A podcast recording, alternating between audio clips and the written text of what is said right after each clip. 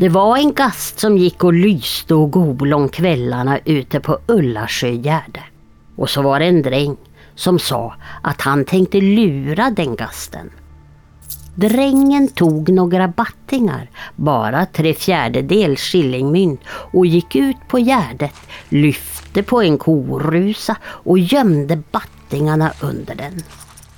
Då kom gasten och frågade nyfiket vad drängen stod där och lyste på. Jag lyser på mina medel, sa drängen. Vad har du för medel? undrade gasten.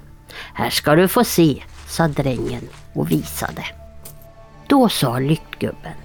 Det var ynkligt att gå och lysa för så lite. Kom med mig så ska du få se vad jag har. Drängen plockade upp sina battingar och följde efter. Gasten lyfte upp ett stort skrin med pengar och slog upp locket. Har du så där mycket? Ja, då kan du få mitt också, sa drängen och så kastade han ner sina battingar i skrinet. Men sen hade ju inte gasten någon makt över sitt skrin längre. Drängen, han fick sig en örfil så han var helt yr i 14 dagar. Men sen var han rik. Den där gasten, han hade varit en sån där människa som hade brukat flytta på skillnader. Ni vet, såna där gränsmärken mellan gårdarna. Ja, det var ju när han var i livstiden. Och nu skrek han. Jag ångrar mig. Jag ångrar mig. Jag ångrar mig. Men det var ju så dags då.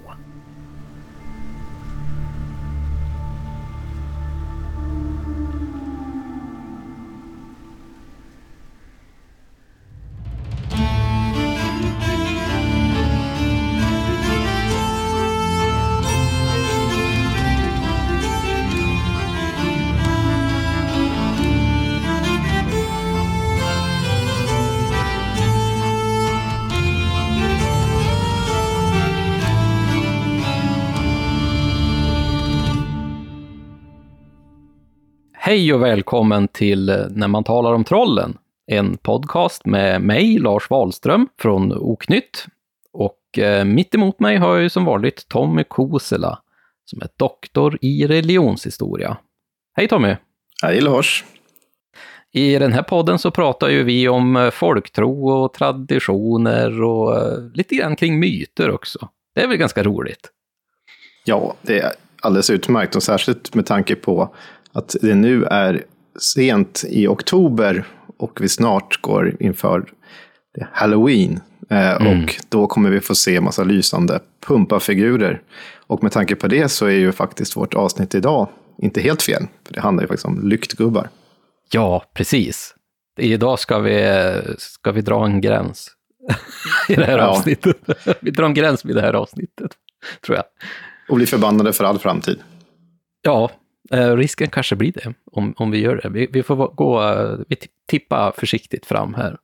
Men jag tänkte att innan vi går in på det så vill jag nämna lite grann kring våra liveframträdanden som vi har haft senaste tiden. Vi har ju haft så otroligt mycket trevligt, du och jag och alla som vi har mött ute i landet när vi har åkt runt och haft de här liveframträdandena, både på Öland och i Norge har vi ju varit. Och alldeles nyligen så var vi ju i Tåkern också vid den här fantastiska Fågelsjön. Och Jämtland. Och Jämtland, ja. Så att eh, vi har haft väldigt kul. Och vi har ju några kvar i år faktiskt. Vi har en i Härnösand den 19 november. Och då ska vi prata om folktro i Västernorrland. Det ska bli roligt. Mm. Och då har vi en liten specialare också. Då kommer faktiskt Eva att vara med och läsa upp de här berättelserna live inför publiken. Det kommer att bli riktigt roligt. Och det blir en debut för det. Det blir verkligen en debut. Vi har, vi har haft med hon lite nu och då, men då har hon mest suttit i publiken. Så det här blir jätteroligt. Det här blir jättekul. Och sen efter det så kommer vi till Lidköping den 23 november. Och då ska vi prata om spökerier och olika sägner kring Vättern. Så det blir väldigt kul också. Så vi hoppas att vi kan se er där. Det är alltid så roligt att se er i publiken och få prata med er efteråt. Det är nästan det absolut roligaste när vi är ute på de här grejerna. Och vill man eh, lyssna ännu mer på oss så har vi ju, precis som tidigare i avsnitt, eh, sagt att om man vill ta del av mer material från oss så har vi vår Patreon-sida där vi släpper avsnitt varje månad. Ganska långa avsnitt. Jag har ju slutat kalla dem bonusavsnitt för att de är så himla lång. De är ju alltid minst en timme lång, i alla fall den här härliga serien om fornnordisk mytologi. Och nyss så pratade vi ju om det här världsträdet Yggdrasil. Och det var väldigt roligt också. Jag visste Mm. inte att man kunde prata så mycket om just det trädet. Det var, det var lite roligt. Nej, det är många gånger vi har blivit förvånade i den här podden. Vi tänkte oss, tänker oss en del avsnitt att de ska vara små och avgränsade, men det finns alltid så mycket att säga. Ja, det är verkligen så. Och det kanske blir så i det här avsnittet också. Vi får se. För jag tänkte, vi kan väl då börja lite grann med den här lyktgubben. Kan du förklara lite grann det här fenomenet lyktgubbe? Vad är det egentligen vi pratar om här? Är det en gubbe som går med en lykta? Ja, i många fall, inte alltid. Eh, Det är ett, ett ljussken man ser som irrar runt eh, på nätterna. Det är alltså en gast det, det talas om. Mm. Oftast är den inte namngiven. I vissa fall är den det, men oftast är den inte det. Och det, det är folk som då tänker sig ha sett ett eh, tänt, alltså ett ljus, ett irrande ljus, som, ungefär som om det kommer från en lykta eller lampa eller någonting, som irrar omkring fram och tillbaka, ofta med ganska stor hastighet. Det- Det kan vara en liten låga som är blå, gul, röd eller något liknande. Och den irrar fram och tillbaka som om att den letar efter någonting. Och det här är då vad en lyktgubbe är egentligen i grund och botten. Vi kommer ju såklart berätta mer om det alldeles strax. Men det här är i grund och botten vad det rör sig om. Alltså någonting som ett ljussken som rör sig fram och tillbaka i, i skogarna, myrarna och så vidare. Ja. Just det här eh, föreställningen om det här typen av spökljus. Jag vet att det finns ju ett antal berättelser om det här historiskt, men man ser ju fortfarande de här olika spökljusen, har vi ju upptäckt. E-, e-, även idag, på många ställen. Vart förekommer det främst ute i landet? Om, om vi tittar på det arkivmaterial som, som vi har. Det jag tittar på, som jag har absolut tittat flest exempel ifrån, det kan ju också ha att göra med att jag inte nu haft riktigt tid att penetrera allt material, så att säga. Det har man ju för sig aldrig. Men och då, är det, då är det mycket från Götalandskap, eh, alltså Götaland och neråt, så att säga, som det har varit väldigt mycket beskrivningar av sådana här figurer. Och de har också en mängd olika benämningar, som ju också förklarar en hel del om föreställningen kring det som vi kanske nu kallar lyktgubbe här, men egentligen kallas de ju, har de ju många lokala olika namn. Ja, jag kan tänka mig det. Så är det ju ofta när vi pratar om olika väsen som rör sig runt i landet, att det kan vara dialektala variationer, men de kan ha helt andra eh, specifika namn också. Va- vad finns det för olika namn på den här gubben? Ja, man kan säga, och det här hör mycket ihop med, det är en gast alltså. Och det hör man i många av de här beskrivningarna, att det kan vara en, en ägogast, en själgast, en märkesgast. Men ibland kallas den här gasten för lantmätare, råmärkesflyttare, röskar, skillnadsvrängare, självvrängare, pålgast, målgast, lysgubbe, lysare, gastbloss och irrbloss. Så finns det säkert fler exempel, men det här var några som jag hade nu. Och i flera av de här har vi då redan här hört vad det egentligen kanske rör sig om, i många fall. Och för att man tänker sig ofta att den här, äh, den här där gasten är då en lantmätare som har mätt alltså, landet fel, alltså markerna fel. Och där, därav straffas och irrar omkring till domedagen egentligen. Vilket, vilket hårt straff för att man har satt Eh, en gräns fel på det sättet. Att man mm, liksom blir eh, bestraffad av de kosmiska makterna eh, av att bli en sån här gengångare eller gast som då måste gå runt i skogen. Ja, men alltså det här, de här har på något sätt tagit emot mutor eller gjort någonting annat för att de ska mäta orätt. Och det här var, det kunde vara en bonde eller en annan person som velat komma åt sin nästas eller en annans egendom. Och därför falskeligen flyttat på sådana här så kallade råmärken. Det hörde vi också en del benämningar, att man kallar det för det. Och han tagit alltså mer än vad han skulle, också vittnat fel i sådana här rågångar. Och det här är alltså, alltså flytta på gränsstenar eller råmärken var någonting som var ett sedan lång tid tillbaka ett ganska grovt brott, alltså en riktig förbrytelse. Det har jämförts med stöld och kunde enligt en del medeltida lagar, exempelvis Upplands och Sörmlandslagen, bestraffas med eh, alltså döden. Och liknande så, eh, eh, beskrivningar finns också från Tyskland långt tillbaka, att det kunde vara dödsstraff på att flytta på sådana här gränsmärken. Och den som i Norge exempelvis, som stal alltså mark på det sättet, som kallas för jordstöld, kunde bli fredlös. Vilket ju inte var mycket bättre det heller. Så att, och vad allt det här går tillbaka på, då får vi faktiskt plocka fram en bok som jag har liggandes framför mig. Kan du gissa vilken bok jag kommer läsa ur nu? Bara för att du ställde den frågan så är jag ganska... Jag är 90% säker på att det är Olaus Magnus. Nej, faktiskt inte. Vi, vi får till en bok som Olaus Magnus också tyckte väldigt mycket om, såklart. Eh, Bibeln. Oj då, ja, Ja. nästan lika viktig bok. Jag ska till femte Mosebok. Och därav i 27.17 så kan vi läsa så här. Förbannelse över den som flyttar sin grannes gränsstenar.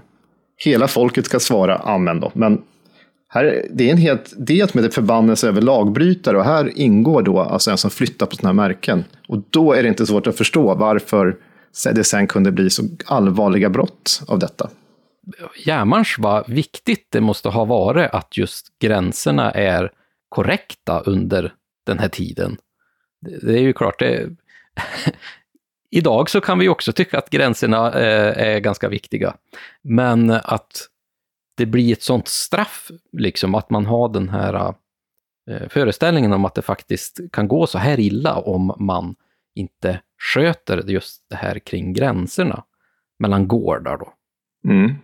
Eh, och det här är ju en typ av föreställning som finns om de här så kallade lyktgubbarna. Men då är det just den här som man ser, det är en sån här som har mätt fel, som nattetid går då och mäter sina såna här rågångar. Han eh, går upp ur sin grav i midnatt brukar man säga då och eh, ibland har han en lång stång, precis som en del såna här eh, hade förr i tiden. Eh, som man hade mätte med egentligen. Och den sägs ibland vara som en kvast i ena änden och som ett eldbloss i den andra. Därav har du själva ljusfenomenet. Så det är inte alltid en lykta som vi tänker oss då. Det kan vara olika saker. Ibland följer ett eld med den här figuren. Slår ner där, där den har varit, där den går. Och han kan ha den här stången i ena handen och så har han en kedja i den andra. Så det är så här mätinstrument som han använder sig av. Och han skramlar och eh, eh med detta. Och de både, han, det lyser till och sen försvinner det och sådär. Så det är det man kan se på nätterna. Och han går till det ställe där ett råmärke har stått som han då har vrängt eller flyttat på, alltså fel. Och eh, ibland sägs det att varje gång det här blosset flammar till så är det alltså djävulen själv som piskar till honom med en järnpiska som får detta att ske. Men det är inte överallt, i vissa fall är det så. Och man kan få höra rop och skrik från den här personen som går omkring så här. Han går omkring med, eh, med sin kedja och det här ljuset då. Han har ofta trasiga, sönderslitna kläder. Som att han har gått i buskar som har rivit sönder dem och sådär i all evighet. Och ibland så kan man höra honom skrikande så att det är rätt, det är rätt och här är skäl. Och sen går han tillbaka så får han samvetskval och så skriker han det är orätt, det är orätt, det är orätt. Alltså han, hela tiden så behandlas det här fram och tillbaka. Va, jämmars, så spännande. Jag tänkte här, du nämnde irrbloss Mm. och lite andra olika namn. På, på Gotland så har man ju någon, någon gubbe som heter Bysen också. Mm.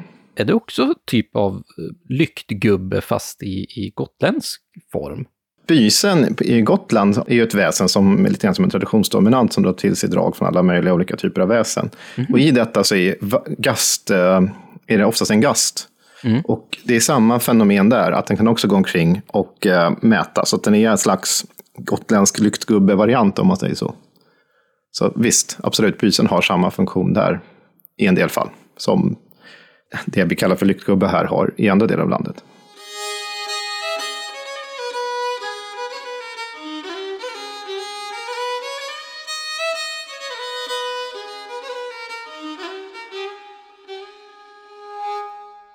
Det här med lantmätare, att de, de det blir ju här väldigt tydligt med den här lyktgubben och, och lite grann också kring bysen att deras funktion är att, eller i alla fall förklaring är att de är lantmätare som håller koll på gränserna och nu har de inte gjort det på ett bra sätt. Och så har de det här lilla ljuset då som syns. Men i en del eh, föreställningar så är väl också att det bara kan finnas ett spökljus som man kan se. Och ibland har jag märkt att man benämner det lite som ett irrbloss då. Att det är mer som någon form av eh, eh, en gast eller ett spökväsen, men kanske inte är så kopplat till just den här lantmätarfunktionen. Nej, och det, det är mycket riktigt. Och alla former av ljusfenomen på det här sättet är inte lantmätare heller. Det är en förklaring som man har tagit till i många fall för att det, det är en sån här äh, ganska spridd eh, föreställning, ett motiv som finns spritt. Men föreställningar av den här typen av, av flämtande ljussken som drar omkring och bland som ett väsen finns ju från många håll i världen. Alltså, irrbloss är en variant som kanske kallas, om vi ska jämföra med något som är internationellt sett väldigt känt, i Will och Wisp. Ja. Eller Will of the Wisp exempelvis. Det är precis samma mm. grej egentligen. Eh, de är alltså kallas för Ignis Fatus också. Alltså, vi har ju olika vari varianter på denna. Alltså, det kan vara Friars Lantern, Hinky Punk Hobby Lantern eller till och med Jack Lantern då för att dra ytterligare ett känt namn från de brittiska öarna. Så, så det här är också en figur som typ påminner om en flämtande, alltså typ lampsken som liksom kan ses, eller ett ljus som producerar ibland och försvinner och kommer till igen och kan lura folk in i, oftast i träskmarker eller liknande. Mm. Men för att göra saken ännu mer komplicerad så finns det ju också eh, annan beskrivning av vad irrbloss är. Och eh, nu ska jag ta och läsa lite grann ur Nordisk familjebok, eh, Uggleupplagan, Eh, från den jag sitter med från 1924. Och då förstår vi att här finns också irrbloss beskrivet. I februari 1922 studerades genom Sveriges geologiska undersökning ett rikligt uppträdande av irrbloss vid sjön Lekvattnet i Fryksdals härad, Värmland. Och ett meddelande utsändes därom som i flera hänseenden kastar ljus över fenomenet. Tidigare trodde man i allmänhet ha tytt lyktgubbarna som lågor uppkomna genom förbränning av sumpgas, metan, som bildas genom förruttnelse och förmultning av organiska ämnen. Ljusfenomenet tog emellertid icke förorsakat av en verklig förbränning som också utvecklar värme, utan lyktgubbarna tog det närmast vara kalla lågor, bildade genom en syresättning utan avsevärd temperaturförhöjning, vilken åstadkommer en luminescens närmast en kemiilluminescens. Där irrbloss förekomma finna i regel lager av dy eller gyttja, illaluktande och innehållande i förruttnelse stadda organiska ämnen och i flera fall har man också konstaterat närvaron av vivianit i dessa lager.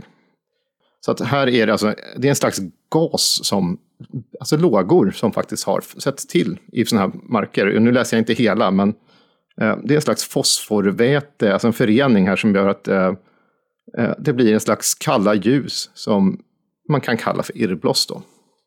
Det är alltså ett, en, en träskfis? Som ja, antänder. det är fjärtar i Moder Jords fjärtar. Om vi ska vara lite barnsliga. Ja, men det är ju, den förklaringen har jag också hört. Eh, just att det ska vara en slags sumpgas som mm. plötsligt eh, antänder så att det blir det här lilla, kanske grönblåaktiga skenet. Men det här är ju superintressant för att då har vi alltså någonting som konkret existerar. Som mm. ju man har också folkliga berättelser om det är inte så konstigt då att de här föreställningarna om att det ska vara gastar eller sådär som leder folk vilse. Det, det är ju inte ingenting som man liksom har hallucinerat ihop som en del gamla forskare skulle fått för sig. Utan här är faktiskt någonting som, som man faktiskt ser på riktigt. Och, och här handlar det ju om eh, liksom sumpmarker och träsk och så här. Är oftast den här lyktgubben visar sig i den typen av biotoper om vi säger så? Eller är det även ute i skogen eller bland, bland... Det låter ju inte som att lyktgubben visar sig inne i stan direkt. Inte i stadsmiljö, men det är väldigt få väsen som vi beskriver i den här podden som faktiskt brukar vara så mycket inne i städerna. Utan det här är framför allt där uh, ute i bygderna, på lands, landsbygden, där man, i naturen då, som man stöter på den här.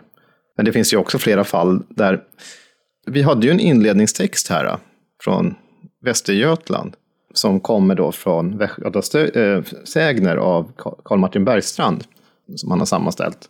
Och här hade vi någonting helt annat, så jag förstår ju kanske en del, även om han berätt, beskrivs vara en lantmätare, så är det ju ändå en helt annan sägentyp som kopplas till detta. För här är det ju faktiskt drängen som överlistar den här äh, gasten genom att lura honom. Och det är en sägentyp som finns på flera olika håll i landet. Mhm. Eh, Det här är ganska vanligt knuten till lyktgubbar, måste jag dessutom påpeka. Att vi har en, eh, en påhittig, oftast ung dräng som lurar den här lyktgubben när den kommer. Att den, då, för att då, då är föreställningen också om lyktgubbar som är vanligt att den, den vaktar över en skatt som är nedgrävd. Där, därför irrar den omkring i trakten. Antingen letar den efter eller så är den liksom vakaren över sin skatt. Och som vi kanske minns från avsnittet om skattsägner så brukar det också vara en eld som brinner där skatten finns. Och då, det här, för vi liksom, här ser vi liksom hur de här hör ihop. Och är det där som en gast eller ibland ett djurform som den också kan vara, som den också kan anta, så är det alltså den här eh, eh, lyktgubben som kan vara där. Och då kan man lura honom och i det här fallet så hade han ju koskit som han hade stoppat, äh, lagt mynt under. Och så tyckte den här gasten att det var alldeles för lite pengar, att det var ingenting att liksom vakta över. Och så skulle han visa sin skatt och då kastar den här klipska drängen snabbt in sitt mynt som gör att han får makt över lyktgubbens eh, skrin som är mycket, mycket mer pengar i. Sen får han sig ju en rejäl örfil, men han blir ändå rik. Sen, han blir bara dålig i 14 dagar står det, så sen är han ju rik resten av livet. Ja, men, och, och eh, hette, jag tror att det var i Hylten Cavallius eh, Bärend och Virdane, så, så skriver han ju lite grann om de här typer av eh, ljusspöken eh, eller ljusgubbar och så här. Och jag tror att han nämner någon där, för han delar in de här lite olika och att det är någon som heter typ peng, pengande eller pengast eller något sånt där, som är kopplad till just eh, rikedom och, och värdesaker. Jag kan läsa upp vad Hylten Cavalli skriver om Lyktegubben, för det är inte särskilt mycket i hans Värend och Virdane. Mm. Då skriver han så här. Lyktegubben är en eldgast som ofta sammanförs eller förblandas med ängamålaren. Han går nattetid omkring med en lykta i handen och förvillar, förvillar folk, som är ute på vägar och stigar. Vanligen visar han sig först på ett ställe, skriker så ett skrik och tager ett långt skutt, alltså ett hopp, och visar sig strax på ett annat ställe, långt därifrån. Och så får han gå och lysa och skrika till straff för sina synder ända tills domen kommer. Så här beskriver han ju egentligen Lyckgubben i det, i det första läget som vi pratade om här. Just som den här slags eh, ja, lantmätaren som då för evigt ska straffas för sin, sina synder.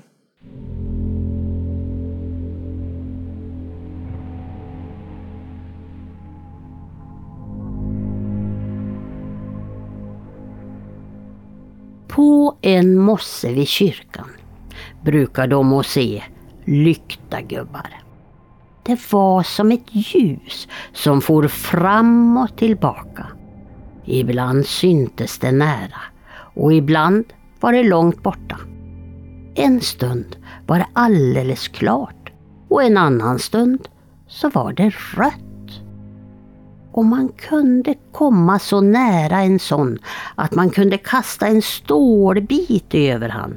Då kunde man få reda på en skatt. Men det var omöjligt att komma så nära inpå. Lyktgubben, ja det skulle vara en som hade dött och som hade förgömt förmögenheten sin som han hade haft i livet. Och det gjorde att han inte kunde få någon riktig frid i döden.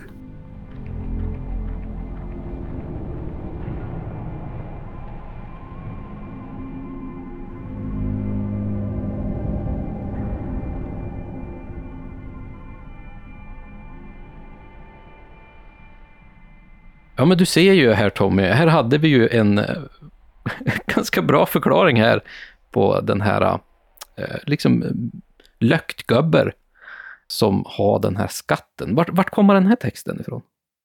Det är också Karl Martin Bergstrand, den här flitiga insamlaren och författaren. Eh, det är från hans Värmlandssägner.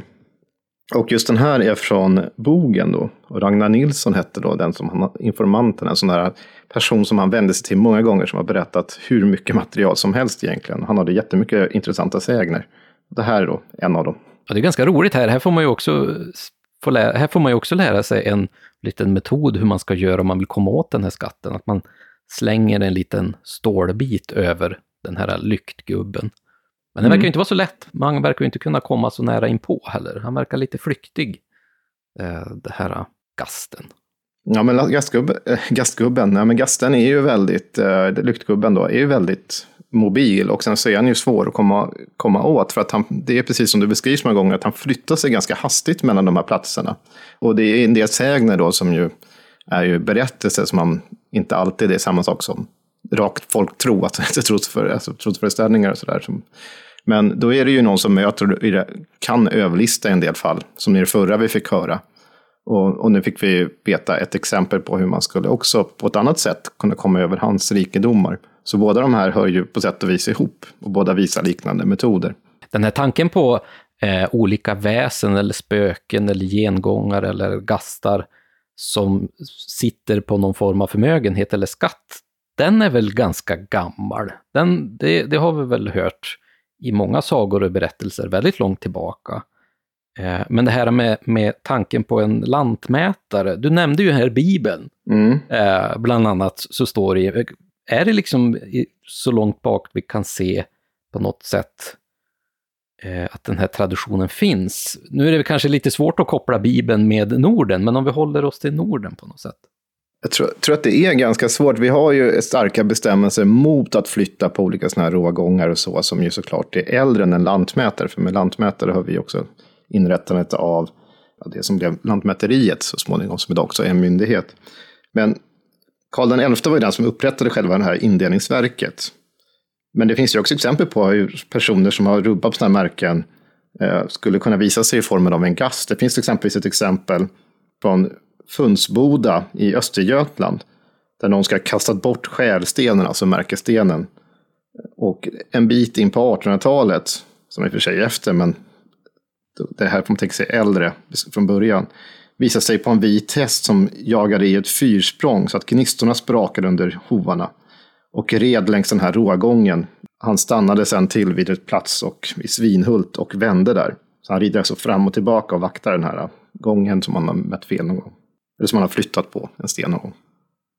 Det var ju ganska intressant också då han, då han uppenbarligen rider på en häst. Då. Mm. Jag har, alltså, det här med beskrivningar av hur de ser ut är inte alltid jättevanligt. Och det är väl inte så konstigt som vi ändå pratar om gastar och, och gengångare som man oftast själv eh, då kan fantisera ihop hur de ser ut. Men om man ska hårdra det lite så kan de, som jag sa förut, så kunde de ha den här kedjan. De kunde ha det som är ljusskenet, så kunde det vara en lykta eller ett bloss eller något liknande. De hade oftast trasiga kläder. Men i många fall så kunde de också ha en röd toppluva och träskor. Men det kan också vara en tjock, kort karfigur i grå rock och grå mössa. Och då liknar han ju mer en tomtegubbe. Mm. Eh, och gråklädd är ganska vanligt i de här fallen. Men eh, jag har faktiskt ett annat exempel och det här kommer från Svenskfinland. Mm. Jag gillade verkligen beskrivningen där av, för samma fenomen finns ju där också såklart. Och här får vi höra då från eh, Finlands svenska folkdiktning, och då ska jag säga vilken del det är, för att de här går ju att läsa online. Finlands svenska folkdiktning 7, Folktro, trolldom 1, övernaturliga väsen. Det var ju enkelt att koppla. Ja. ja. Och då står det så här på sina 236. Under storskiftet i Replots sägs en lantmätare ha förfarit oredigt och mot mutor tilldelat en del bönder för stora områden. Till straff får han ingen ro i graven utan går uppdaga. Han ska flera gånger ha blivit sedd vid det så kallade Prästskärssundet där han suttit på en sten alldeles möglig i ansiktet och skramlat med mätkedjan. Så att det här är ett exempel på hur han ser ut. Han är alltså helt möglig i ansiktet. Han har suttit där i all evighet. ja, innan jag slår ihop boken här, för det finns fler exempel, så vill jag bara ta upp ett exempel till. för att det här, Vi pratar ju om gubbar och det är oftast en gubbe mm. som är en sån här. Men det finns faktiskt en eh, fruktad då kvinnlig figur som också har flyttat på råmärken, alltså sådana här rårös. Och det är ju inte då en lantmätare utan en annan som har försökt att sno till sig lite extra mark. Och i, då står det så här. Lukusbacken i Esbo är fruktad. Emedan en död person, Lukuskärringen, ska visa sig där. Under livstiden ska hon en gång ha flyttat Rårös för att få mera jord. När hon dog och skulle föras till kyrkogården kunde hästarna för likvagnen ej förmås att gå över rån. Man bytte om hästar, men det enda stegrade sig. Då blev den avlidna begraven vid landsvägen och där ska de gå igen ännu. Det riktigt rev genom bröstet av skrämsel då man i mörkret måste passera Lyckebacken. Det sägs ha hänt att Lyckokärringen spänt ur hästarna för tunga last och vänt om djuren i redet så att det stått med huvudet mot lasset. Så där kan det gå. Vad roligt. Jag tyckte det var en bra beskrivning. Det riktigt rev i bröstet. Man riktigt känner ångesten av att gå förbi det där stället. Vad, vad roligt att du sa att det ändå fanns en form av, eh, det var inte bara gubbar. Eh, liksom. Jag tänkte nästan fråga det, är det bara eh, gubbar? Nu pratar vi mycket om lyktgubbar, men inte så mycket om lyktkärringar, kanske man ska säga. Nej, men jag ska faktiskt vilja, vilja föra fram ytterligare en sak här. Mm. För att vi, vad vi rör oss med, i alla fall när vi pratar om de här självrängarna, alltså pålgastar, målgastar, lantmätare, råmärkesflyttare och sådär. Det är ju liksom en slags, som sedermera blev en yrkeskategori. Eller om man ska säga, som liksom, de hade ju ansvar. Det finns ju hur mycket sådana här äh, trätor och sånt i domstolsböcker där liksom det har blivit fel. Så de här lantmätarna är ju ett slags yrke som är rikt representerat i det här materialet. Och det är ju, jag tycker det är oerhört fascinerande, för vi har ingen annan yrkesgrupp, mig veterligen, som är så rikt alltså, är representerad i ett sägenmaterial som det här. Men jag hittade någonting annat, och nu är vi nere i Skåne. Där finns det, apropå kvinnor, så finns det något som kallas för spånekvinnor. De har varit oredliga vid uppmätningar av linet. Oj då. Man hör dem spinna, men de uppträder i övrigt som gastar och oroar särskilt sådana som sitter och arbetar på övertid, säger Eva Wigström. Så det är, ju, det, är, det är ju inte samma sak, det är inte något ljus eller någonting, men jag tyckte att det var roligt att lyfta in det här exemplet också. Ja, men det är väl lite samma funktion här, att, att eh, de här kvinnorna blir bestraffade av att bli de här gastarna som får sitta och göra samma sak om och om igen. Och att det också är kopplat till just mätning av någonting, att de mäter fel. Och då blir de straffade på det här sättet. Det roliga är att det finns också beskrivningar av detta fall där personer har fuskat på andra sätt mm. när det gäller att mäta upp mark. Det finns snåla bönder, berättas det om, eh, som har tagit jord från sin mark i sina skor. Och så har han svurit på att han står på egen mark där han går. och det finns ju strider där också, sånt där förekommer på många olika håll. Eh, ja. Så att det, det här det, liksom, det, kan förekomma med fler personer som sägs på olika håll då, som har haft jord i skorna som mm. hemifrån. Och så blir det en twist eller någonting så säger de att de står på egen jord. Vilket geni! Ja. Han har ju helt korrekt rätt. Ja. Vad är det att tvista om egentligen? Det finns ju också, alltså du, du pratade förut om bysen på Gotland mm. och det finns ju sådana beskrivningar just med bysen också. Att den skrämmer och vilsnar folk. Eh, och att de springer eh, vil, vilse i skogarna. Och då måste man vända på kläderna. Det finns en, en, en beskrivning av just bysen som vinter och köld. Eh, när det är kallt, när det är vinter och det är kallt ute. Och, eller, eller när oväder är på gång så kan man få höra bysen skrika och jämra sig. Hu, hu, hu, kallt om bajni, kallt om bajni, kallt om bägge läggar, kallt om bägge läggar. Och det sista ska man egentligen skrika ut då. Så att det där kan man höra på kalla vinternätter, skrikandet. Så då är, då är det bysen som går. Du Tommy, just det här med gränserna verkar ju vara så himla viktigt, både historiskt sett, men även såklart här när vi pratar om Eh, folktraditioner. Och du gjorde ju en väldigt trevlig intervju med Elin Pil om just det här kring historiska gränser. Mm. Hon, är, hon är då namnforskare och eh, är verksam på samma myndighet som jag är till vardags, i samma arkiv då. På namnarkivet som nu sitter ihop med oss på Institutet för språk och folkminnen i Uppsala. Ja, men vi kanske ska ta och lyssna lite på den intervjun och, så vi får en lite klarare bild kring just det här med gränserna.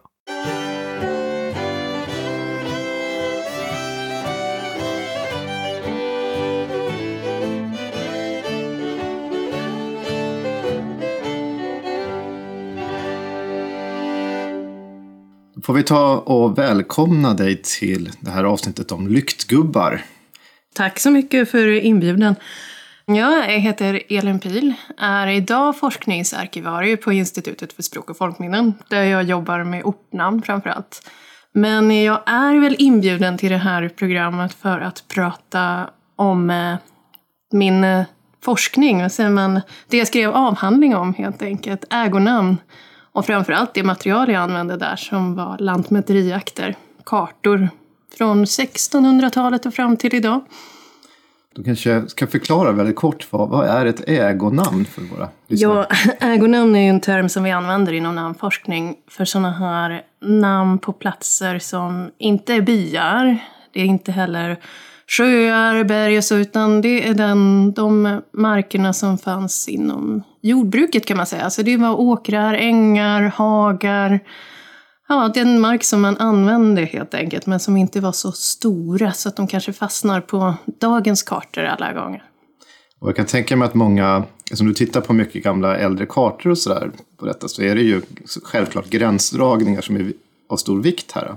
Ja, och då är det viktigt att de också har kommit eh, rätt. Att tänker om någon har mätt fel här. Det var ju väldigt viktigt eh, att visa vad, var gränserna gick. Det var ju rågångarna framför allt som skulle komma med på de här kartorna. Det var väldigt noggrant.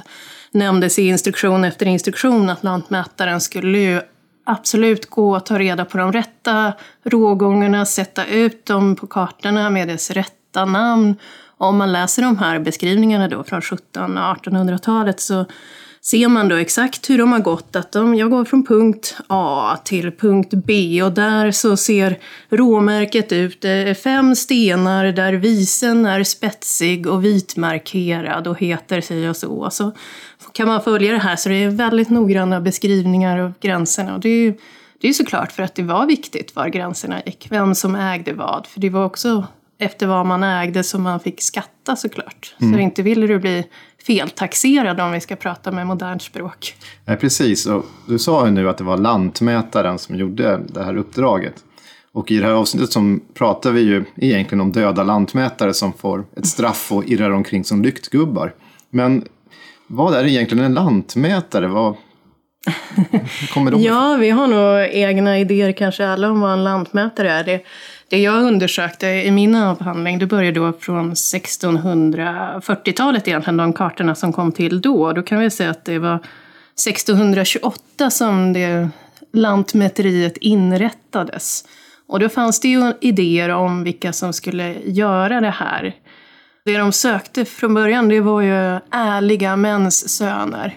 Så det var faktiskt inte adeln som fick i uppgift. Man kan ju annars tänka sig att kronan eller staten då ville ha de fina, fina männen till det här. Men det var ärliga mäns söner, så det var väl dels ja, men, rikare bönder, prästsöner och liknande som skulle utbildas i den ädla konsten att mäta upp landet och rita kartor. Det finns ju kartor sedan tidigare också, men, men det här startade liksom i ett systematiskt och storskaligt projekt. Så de fick lära sig hur de skulle göra och hur de skulle bete sig med bönderna också. För att man fick ju inte förstöra. Du kunde inte ge dig ut och trampa ner säden bara för att du skulle mäta. Utan du måste ju ta hänsyn till bönderna också. Så det är de här instruktionerna framförallt som är ganska intressanta att läsa.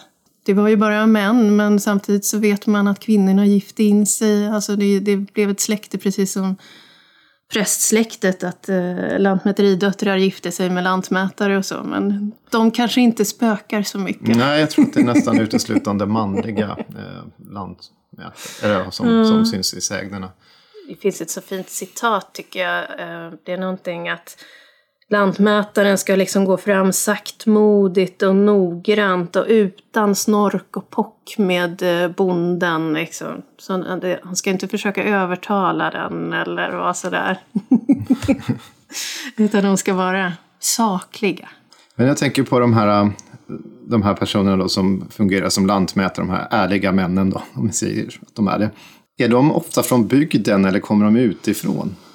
Det finns nog både och, men det, det, var, det, det sades ju att det var en fördel om de kände till trakten, att de kunde röra sig omkring där och kunde dialekten också och kanske även kunde ta reda på saker, för de hade också instruktion att det är lite i lönndom, ta reda på vilka platser som fanns som kanske sades ligga öde men brukades ändå. Så de, de var ju lite utskickade att vara spioner också, att ta reda på sådana här platser som man kunde odla mer på, utnyttja mer, som kanske inte bönderna ville berätta om alla gånger, för de ville ju behålla säden för sig själva då. Det här låter ju verkligen som en grogrund för missämja i, i, i bygden. Jag tänker mig, du som har suttit och tittat på mycket sånt här material, har du stött på många tvister och sådär angående gränsdragningar? Jag tror att det, det, finns ganska mycket i det här kartmaterialet. Där kan man ju se ibland, det kan upprättas egna kartor över just tvisteparker. Mm. Där man diskuterar eller debatterar fram och tillbaka hur det ska gå. Och i slutändan så är ju lantmätaren då den viktiga personen. Han försöker ta in så mycket information som möjligt från de berörda parterna. Men eh, jag har faktiskt inte studerat dommaterial så jag kan se sen hur domarna gick i det. Men det finns ju en del namn också som skvallrar om det, att det är tvisten eller tvistegärdet och liknande. Så det har ju förekommit ganska rikligt, tror jag, gräl, eller vad man ska ja, kalla det. Det låter lite grann som att det kan vara en hel del grannfejder som också kan liksom bli ut, utlösas av, av att någon kanske då dra, sätter en sten fel, så att säga. Ja, ställe. eller någon som kan vara ute och försöka flytta den i, i hemlighet sådär. Det sågs nog inte med, med blida ögon, utan då, så begick man verkligen ett grovt brott om man flyttade en rå, ett råmärke. Det här är så himla spännande, för att det här är ju en, ändå en yrkeskategori, man vill säga, som faktiskt i folkliga föreställningsvärlden, i folktron, så har liksom det liksom ett väsen som då kallas för bland annat lyktgubbar, är ju just en sån här typ av lantmätare. Och det finns ju inget annat väsen som, som liksom så utpräglat är en yrkeskategori som den här. Och det är just för att de har gjort de här eh, felmätningarna, så att säga, eller flyttat på rågångarna. Så det är oerhört eh, fascinerande. Har du något exempel du kan tänka på där du har sett någon sån här eh, att en förändring, att man har just dragit råmärkena fel eller något liknande? Inte, jag har ju inte jämfört med de faktiska ägodragningarna, alltså hur det ser ut eh, ägomässigt, utan jag har ju bara sett när de ritar in flera linjer. När de då tycker att ja, men här, här delar vi upp det här istället, det blir en bättre linje. Men det, där framgår det egentligen inte vad bönderna tyckte om det. Utan det kan ibland framgå att just de klagar över att här har det blivit fel. Det, det som hände här för hundra år sedan, det var inte rätt. Det, det Där gjorde de ett misstag, nu ska vi rätta till det här. Ja. Precis, och tänker på din, din doktorsavhandling här om, om ägonamn. På vilka andra sätt har du arbetat med just det här materialet om, eh, om, från den, Lantmäteriet? För det är väl därifrån du har hämtat en mm, hel del? Det är framförallt därifrån och från eh, Institutet för språk och folkminnens insamlingar då av namn, ägonamn också. Smånamn kan vi kalla det. Om man är intresserad så finns det ju, Lantmäteriet har ju en tjänst som heter Historiska kartor där de har digitaliserat alla kartor. Så man kan jättegärna gå in och titta, framförallt på storskifteskartorna ska jag säga är kanske de mest spännande för där ser du ju inte bara, ja dels så får du en kartbild av det som lantmätaren har uppfattat som intressant. Men de hade ju också som uppdrag att uh, samla in antikviteter, så här och var kan det vara runsten. Mm. På en del exempel finns det kanske en galge, för det finns det någon, någon myt om att det finns en galgbacke där. Så att det, kartorna kan innehålla så mycket mer detaljer än vad man tänker idag. De var ju inte fotografiska utan det är ju ett konstverk i sig. Det är ju ändå lantmätare som har tolkat landskapet och ritat av det. Men jag tror att vi har fått lära oss lite mer om eh, lantmätare och eh, just hur de här eh, linjerna har dragits så att säga mellan olika ägor.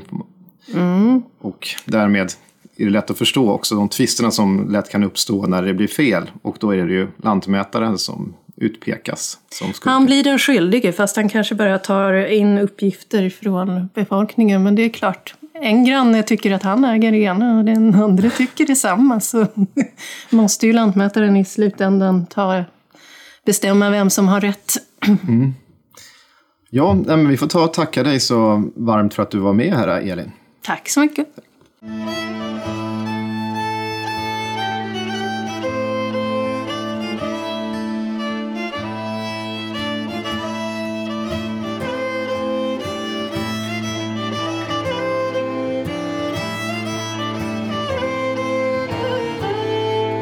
Vid Vränning i Lyng i Enslöv gick en lantmätare och mätte en natt. När de hade mätt fel i livstiden sin, då fick de det straffet att de skulle också mäta efter sin död också. Så kom det en man och körde förbi med ett vedlass. Mäta, mäta rätt. Mäta, mäta rätt, sa lantmätaren. Då sätter jag en påle, sa köraren. Men efter det fick han hålla på och hela lasset gick åt. När han hade satt ut den sista pålen så sa lantmätaren att det var tur att du hade den. Annars hade jag satt ner dig där i hålet.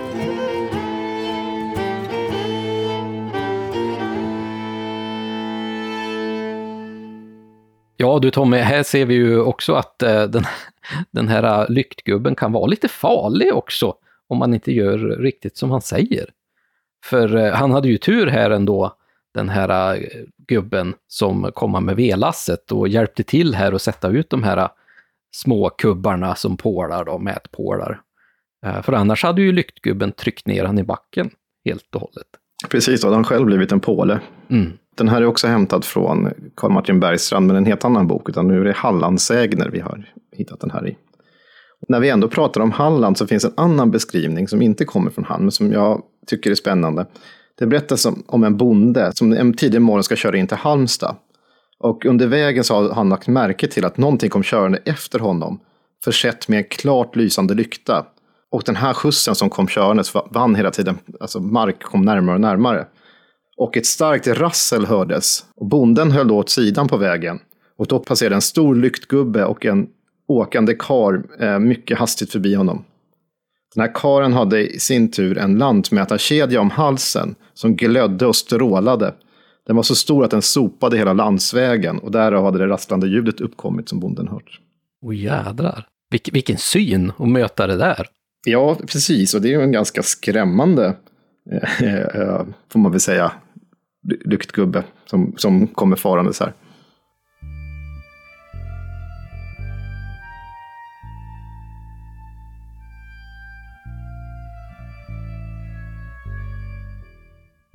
Lyktgubben har varit här i denna lilla stuga en sen kväll. Det var en som bodde här nere då som hade varit ute en kväll när det var beckmörkt. Så lyste den där ljusen upp vid hans sida. Följer du med mig hem ikväll så får du en styver, sa han. Och ljusen följde honom. När han kom hem så kastade han en peng i en rishög som fanns på gårdsplanen. Och på morgonen när han kom ut på gården var varenda rispinne isärplockad ur högen. Det ska ha varit riktigt sant det. Och det hände strax intill här.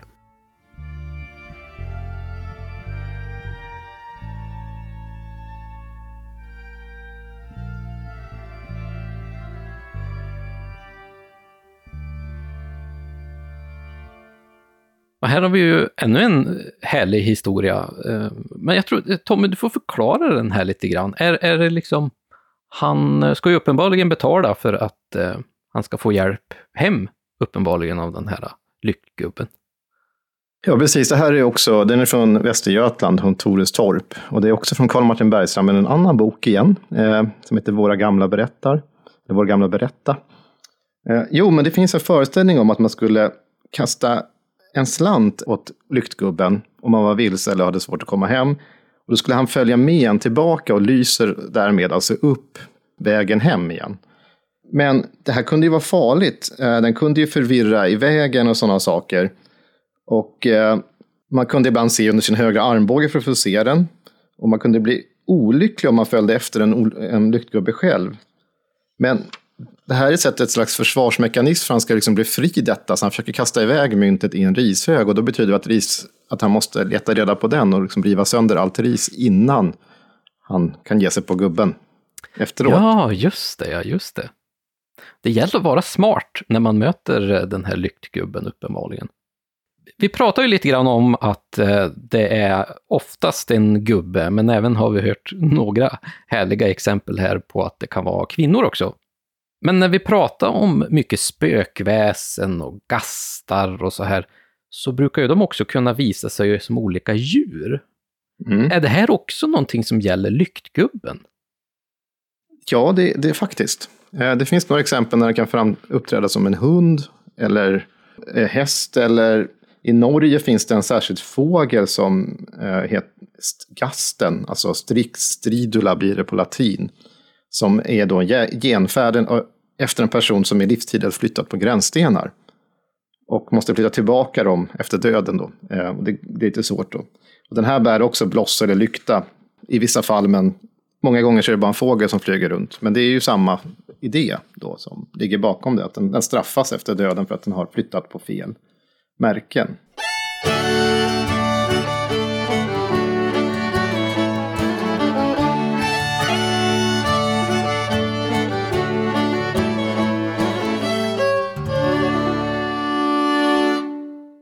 Den är ju lite speciell den här lyktgubben, för att han kan ju både förvilla dig när du är ute i skogen till exempel, men uppenbarligen kan han ju även hjälpa dig hem om du redan är vilse, som jag har förstått det. Om du såklart ger han eh, lite cash där, eh, så att han får betalt. Han är ju ändå en yrkesman, fast han har gjort Mm. fel eh, i sitt yrke en gång i tiden.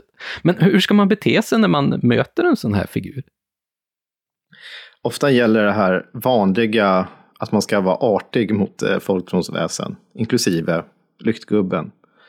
Är man inte det, alltså även om den kan vara jäklas, som vi sa, att den kan leda dig totalt vilse, i en del fall är det rent av livsfarligt. Det finns också beskrivningar av personer som, någon som har varit på ett gille och är på väg hem och så ser de ett ljus och trodde att det var, ljuset kom från en bekant person den kände. Man får anta att personen är full. Och han gav sig av i det hållet och klev han rätt ner i en å. Då kan han se, då får han där se en dansande lyktgubbe som hånar honom för att han har lurat ner honom där. Finns på en. Men det var inte det du frågade, du frågade om man ska vara artig. Jo, det ska man vara för att är man inte det så kan, då kan han bli förbannad och hämnas. Det finns exempel eh, på där faktiskt när vi ändå pratar om vattnet, hur Bäckamannen som det kallas för på en del håll, ibland finns det sånt i Skåne, och då finns det en berättelse om hur en person som kom, har kommit i sällskap med den här Bäckamannen då, och sagt, sagt så här till honom, god natt med dig svinalort. Men det skulle han inte sagt för att då kom han heller aldrig inte hem igen. Då jäklas ju, då blir ju Bäckamannen förbannad, eller lyktgubben i det här fallet. I Västergötland finns en liknande berättelse. Han, hur en västgötabonde kommer åkandes mitt i natten och får syn på lyktgubben som brukar hålla till i trakten. Och sen säger han någonting eh, alltså mindre trevligt. Lys upp din survel. Men, men då släcks bara ljuset och han får en örfil. Och så att han får ur eh, vagnskorgen där han åker. Och det finns också en annan berättelse, någon som liksom får sin lykta släckt och eh, inte beter sig trevligt. Och då försvinner även lyktgubben. Så han står helt oförklarligt med en kolsvart, han får inte fyr på sin eld igen. Och står där i mörkret själv. Jag tyckte den är väldigt rolig nu när du ger de här beskrivningarna hur, hur lyktgubben kan bete sig. Det är så väldigt tydligt, i alla fall i mina amatörögon, att se de här olika traditionerna och föreställningarna som man har. Det, det är mycket som är kopplat, känner man, till just den här tomten till exempel. Att man kan Mm. få den här örfilen för att man inte har betett sig rätt liksom. Men även att man har de här som är kopplade till gasten, att han är mer retlig och att han kan skratta åt en och, och liksom eh, driva in i fördärvet på ett sätt. Det, det är som en liten mix den här lyckgubben av en, en gast och, och våran tomteföreställning och så här. Så är det väl mycket med våran eh, folktro när vi pratar om väsen i och för sig. Många har liknande egenskaper. Det finns faktiskt en berättelse som faktiskt förenar det där på ett ganska förträffligt sätt. Eh, från Alingsås. Den ska utspela sig sommaren 1763. Då var det en person som kallas för Klockargårdsmaden. Eh, som går ända fram till Torps säteri. Och där får han se en, en liten grå gubbe. Som lyste honom, alltså gick med ett lyse framför honom. En var den här gubben precis nära honom Och en var så långt borta att han knappt ett litet sken kunde ses av hans ljus. Och den här mannen då blev förbannad. För att det här ljuset bara försvann och kom och kom och försvann hela tiden. Så han svor till i vredesmod. I detsamma så lyste ett eldsken upp som om, som om hela den här orten skulle stå i brand. Så det var ett rejält sken som man fick se. Hans häst stupade som han egentligen hade med sig då. Och han kastades mot en gärdsgård. Eh, ja. Så att eh, det gick inte bra för honom.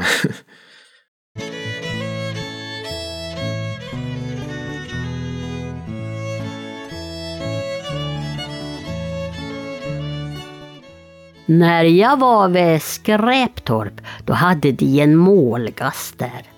Och han skrek så illa om kvällen. Ja, det var ju hos Johannes far. Och där på gården, där hade det varit mycket sånt där. Ja, jag såg ju aldrig något. För jag har ju inte varit så mycket för Tocke där. Men det där skriket, det hörde jag ju om kvällen. Det var precis som när Haruggla skriker. Men om någon härmade, ja då slog det inte fel och hon vart sjuk av det. Det var ju en flicka där i gården och hon härmade. Och hon vart ordentligt sjuker hon.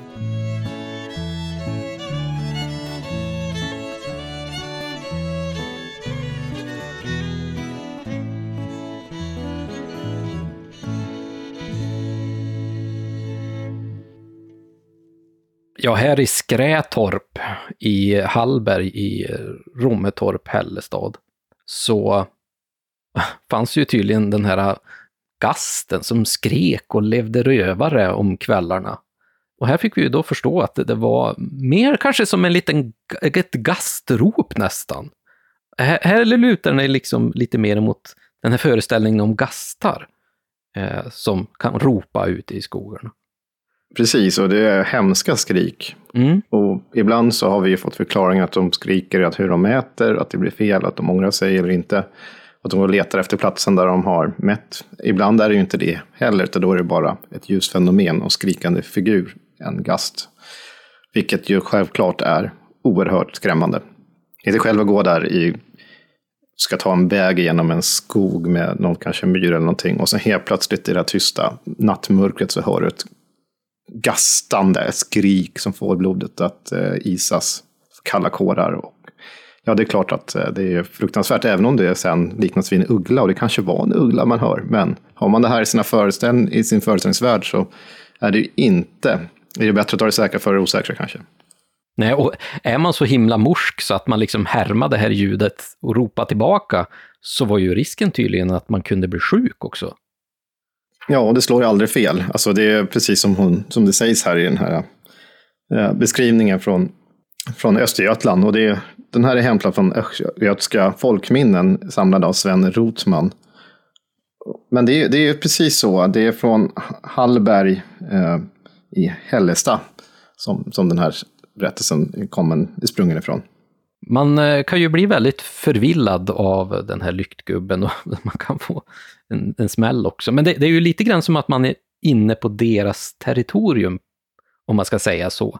Så, så att ofta när vi pratar om trollen eller ja, även tomtarna eller att man har spöken i huset så brukar det finnas metoder för att bli av med det här ofta som man kallar det ett problem. Det här väsenet, det här spökeriet, skrömten som är här, det vill vi bli av med. Finns det några sådana berättelser just kring lyktgubben? Det, det, går ju i regel inte. Utan det du kan göra är att försöka skydda dig från att eh, bli eh, angripen av den i så fall. Och det finns de här olika sätten att man vränger kläderna bak och fram i ett sätt. Om man särskilt om man blir förvirrad, då är det den här motsatta tanken om du ställer sig till tröjan bak och fram så kommer du hitta rätt. Det är samma föreställning du hittar ibland i skogsrået om du går vilse i skogen eller sådär. Eh, återigen så är det ju Bibeln som är ens vän och psalmböcker och stål och järn, alltså de här vanliga skyddsmedlen man har i folktron. Men eh, absolut säkrast är man ju såklart om man inte är ute och rör sig i de här markerna vid den här tiden och, och framförallt inte följer efter det där ljuset. Jag tycker ju ändå lite synd om den här lyktgubben för att Det är klart, han, han har ju uppenbarligen gjort fel så att han fick det här eh, eviga straffet. Men man skulle ju nästan vilja hitta en metod så att han eh, inte skulle behöva gå där i all världens tid. Ja, men det är så pass allvarligt brott så att han kommer gå där till domedagen i princip. Mm. Och eh, ja, det är, inte, det är inte mycket att göra. det, det, det är ett... Det är som vissa andra brott som anses så pass allvarliga att man inte kan egentligen förlösa sig från dem. Och då blir det ju så. Det är snarare, känner jag snarare som en varning. Det är väl så man får se de här.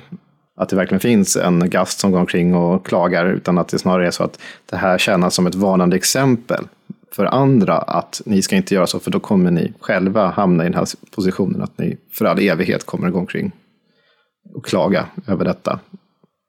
Det är ju ganska intressant, tycker jag, för att eh, när vi pratar om mylingar eller utbörlingar eh, eller gastar, alltså skrämmande gastar, skrämmande spöken, så brukar man ju kunna liksom hjälpa dem. Oftast kan ju ha, de ha blivit en gast eller ett skrämmande väsen för att de inte är begravda i vigd jord till exempel. Men begraver du dem då i vigd jord eller låter dem hitta problemet så då försvinner de eller så går de vidare. Det...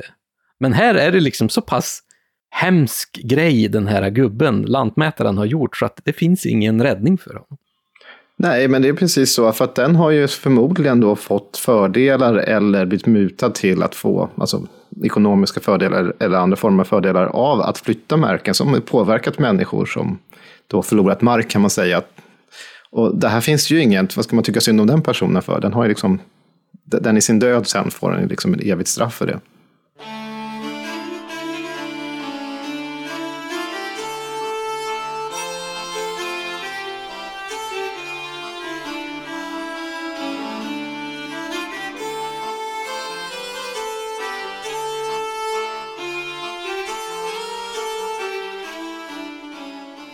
Vid Kruxhult fanns det för två stycken målgastar. De voro ju till storleken som vanligt folk och de gingo omkring och lyste om nätterna. De höll till vid en genväg över en enebuskfälla. För att komma in på den vägen måste man gå genom en grind. Ofta om nätterna hörde man hur de slog i grinden. Så en trodde att hon skulle gå sönder. Men man fick aldrig se hur de egentligen såg ut. För såna där, de vill inte visa ansiktet sitt. Men på ryggen hade de, som självrängare alltid har, en stor skälsten fastbunden.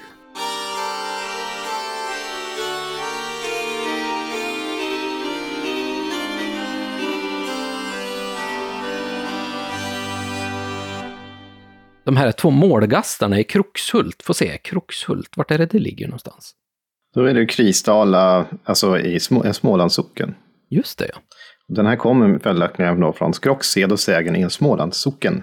Anteckningar från Kristala av Per Söderbäck. Gammal klassiker. De, de här självrängarna har en stor eh, sten bunden på ryggen. Mm. Det vet jag inte om jag har hört förut faktiskt. Ja, det är ju den här märkesstenen som de får gå och bära runt på.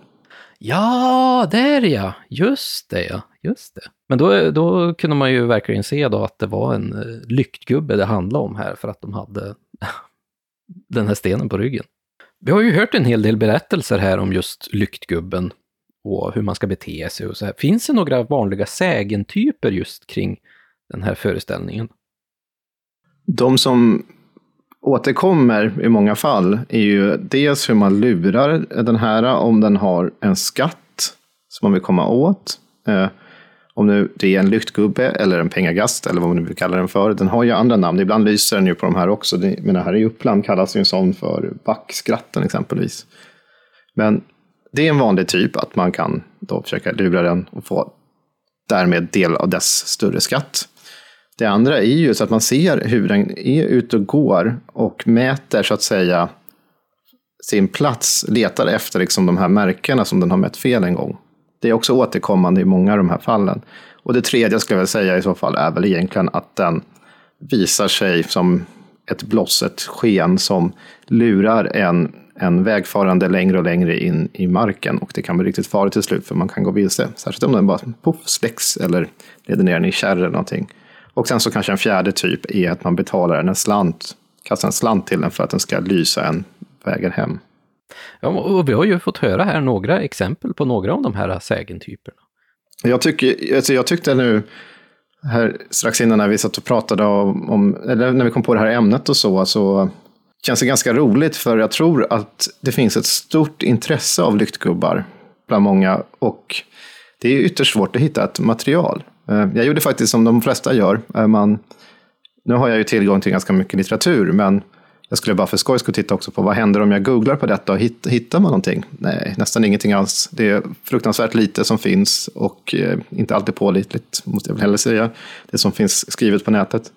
Och det, det tror jag att det är också, där fyller vi ju faktiskt en lucka för många då som kan komma åt ett större material om, om den här typen av traditioner som är lite mer lättillgängligt. För annars är det, det är svårt, men intresset och fascinationen för de här ljusskenen är ganska stort.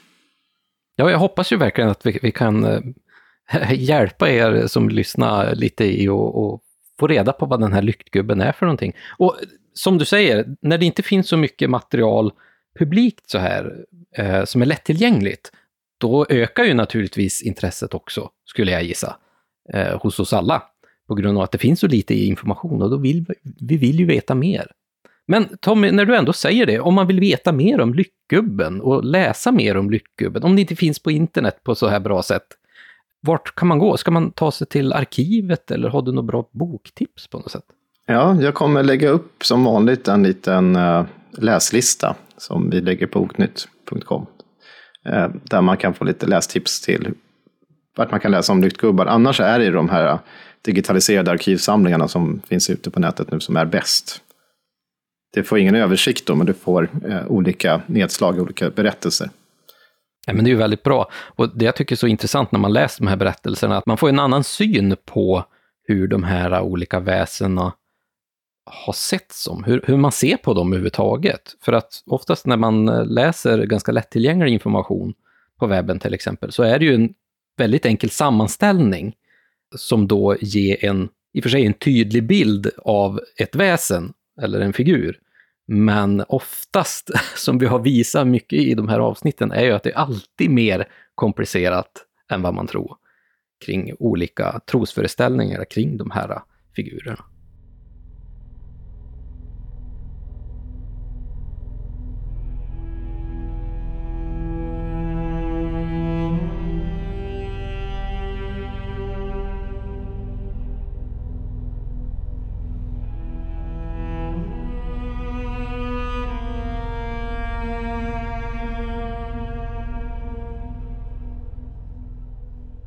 En 75 års kvinna som på 1860-talet hade tjänat piga på Råstorp i Fristad socken förtäljer. I Ekeberget där bodde det en lyktgubbe. Alltid tog han stråten ur berget, skogsbrynet nerefter och fram till gården. För alla de gånger han stod utan till fönstret om kvällarna och lyste på mig när jag bäddade sängarna. Gärna stod han mitt för och nära invid fönstren. Och det var en mörk kväll och det var sent och alla utom jag hade gått och lagt sig.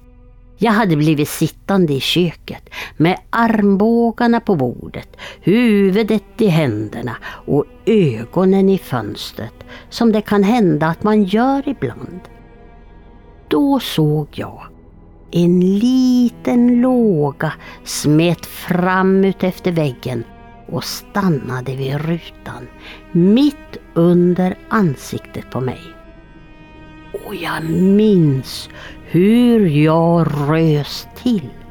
Men jag mäktade inte slita mig loss utan var som jag var fastlåst.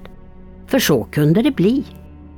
Ofta när jag satt i fähuset och mjölkade om kvällarna då blänkte det till genom dörrspringorna och där ute stod lyktgubben. Helt stilla.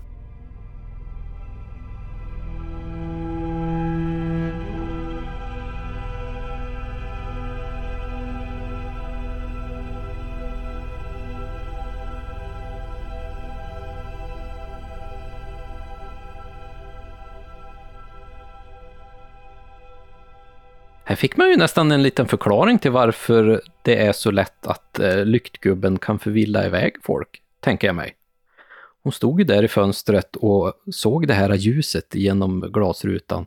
Hon kunde inte liksom titta åt något annat håll. Hon blev nästan förtrollad lite grann när hon stod och tittade på det här ljuset.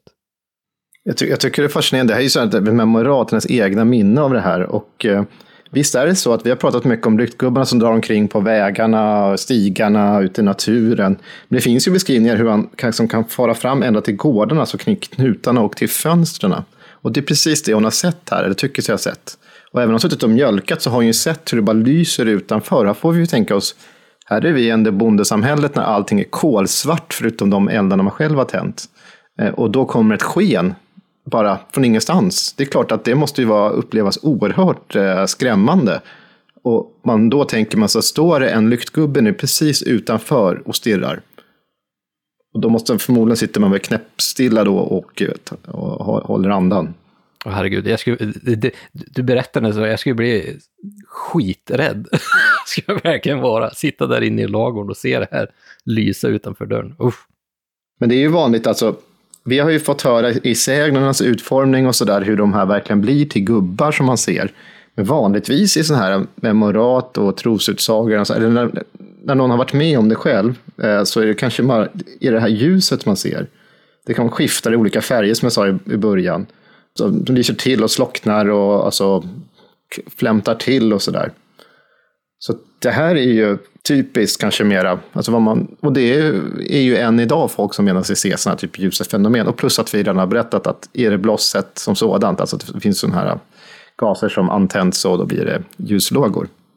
Som du säger, än idag så har vi ju väldigt många som ser olika typer av ljus ute i skogen. Alltså det kan vara klotblixtar, det kan vara eh, små ljuspunkter. Eh, vi har väl någonting som kallas Marteboljuset ute på Gotland också. Det finns flera liknande fall. Jag, jag berättade om ett tidigare där i samband med irrblosset där man hade sökt sig till för att undersöka vad det verkligen var. Och det var ju lekvattnet i Värmland. Det här skrämde folket. Det var därför som eh, man, man, man åkte dit för att titta på det. Och kunde konstatera att det var det här naturliga. Lika, likaså 1924, bara ett par år efter, två år efter där, så var det ett annat eh, Gärsätter i Västra Ny i Värmland. Så fanns det fladdrande hoppande lågor som syntes som kvällarna och så slocknade de och försvann för att i nästa ögonblick visa sig på ett helt annat håll. Och det här fick ju också folk eh, eh bli livrädda i trakten. Och liknande sak ska ha skett bara två år senare, det verkar vara två års mellanrum här, eh, vid Hilde utanför Gävle. Och där ska det också ha varit som alltså, sådana här ljusfenomen. Men då har eh, den här Sveriges geologiska undersökning även varit där och menat på att det här är förruttnade organiska substanser, substanser som liksom syresätts av luften och därför blir lysande. Men folket har ju tänkt då direkt självklart på föreställningarna om lyktgubbar eller irrbloss eller vad man nu har kallat dem för.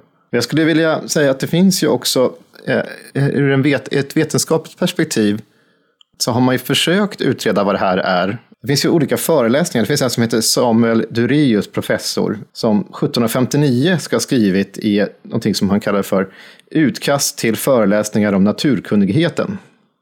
Och där har han sagt följande. Lyktgubbar ambulones, skriver han inom parentes där, kallas små ljus som synes under tiden, särdeles om hösten, ej långt från jorden på feta ställen som är fuktiga och kärraktiga, såsom kyrkogårdar, avrättsplatser, gödselhögar med mera.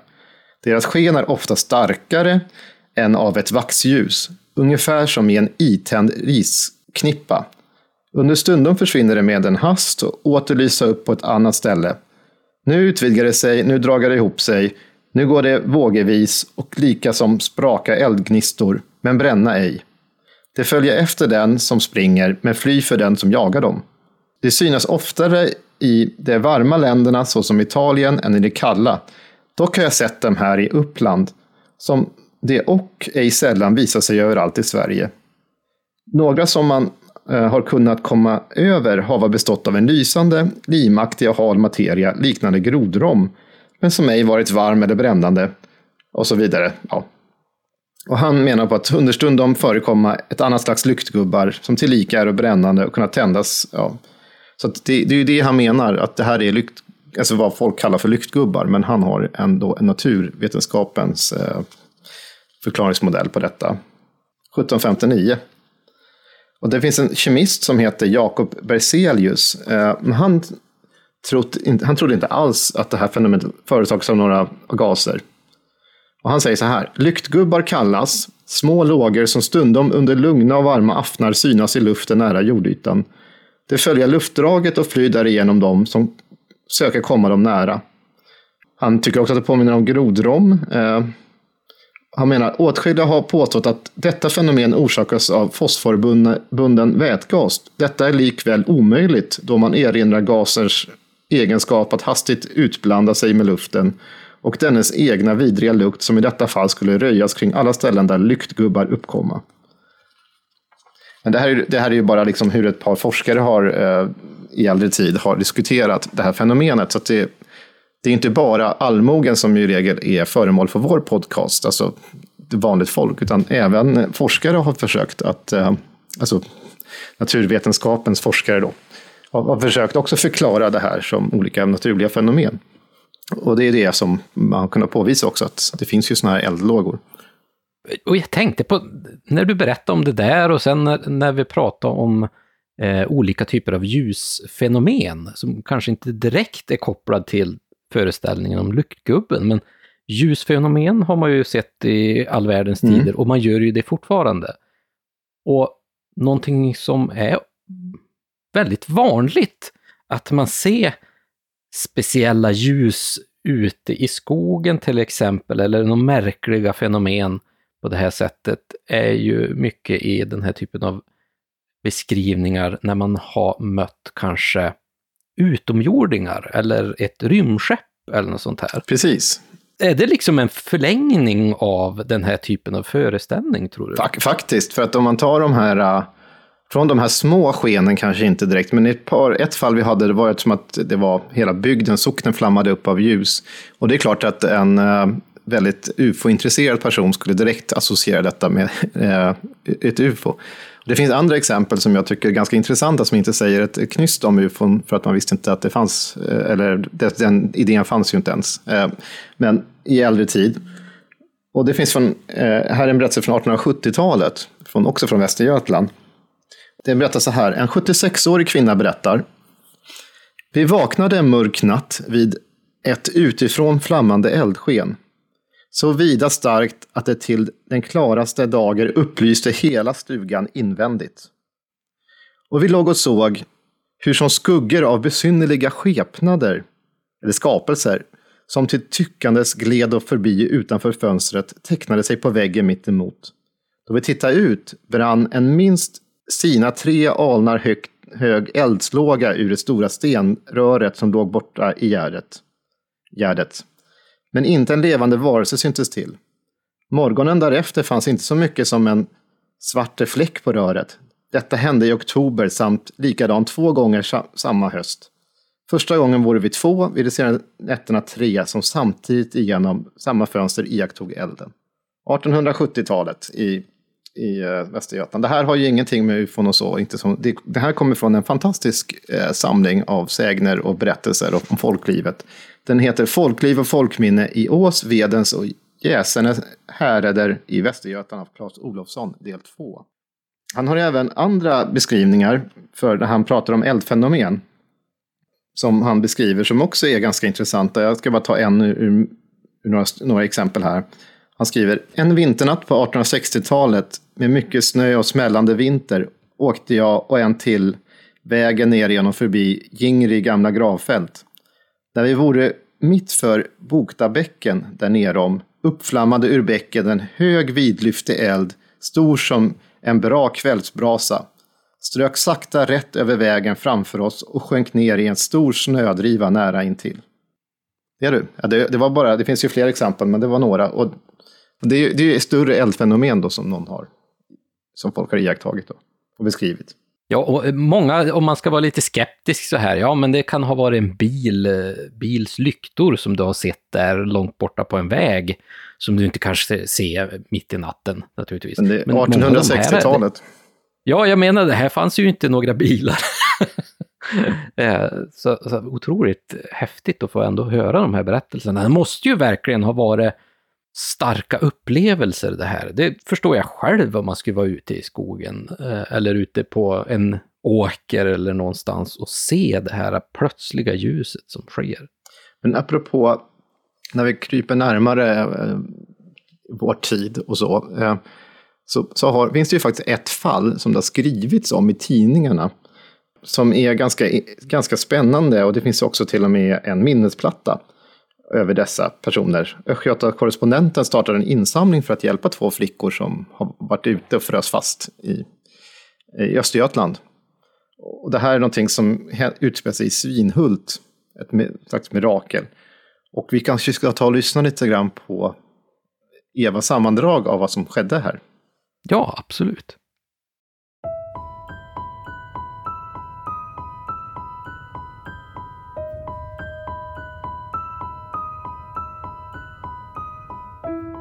Den här helt sanna historien tar sin början den 13 november år 1901.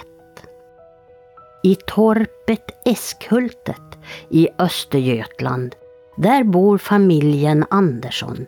Det är pappa Johan August, mamma Klara och deras åtta barn. Johan August är kolare och arbetar i skogen. Familjen är fattig. De har ont om både mat och kläder och nu är vintern på väg. Mamma Klara måste skicka de äldsta barnen, Jenny 11 år och Augusta 8 år, till grannbyn som ligger fyra kilometer bort. Det är Grindsbo för att be om hjälp. Flickorna får både lite mat och kläder att ta med sig hem till Eskhultet som ligger lite avskilt där inne i skogen. På hemvägen förvandlas det lätta snöfallet till en snöstorm och flickorna villar bort sig i skogen. De börjar gå i cirklar och trött trötta och kalla lägger de sig till slut under en gran bredvid ett stort stenblock och försöker hålla värmen genom att ligga tätt tillsammans. Mamma Klara blir orolig och ger sig ut för att leta efter sina flickor.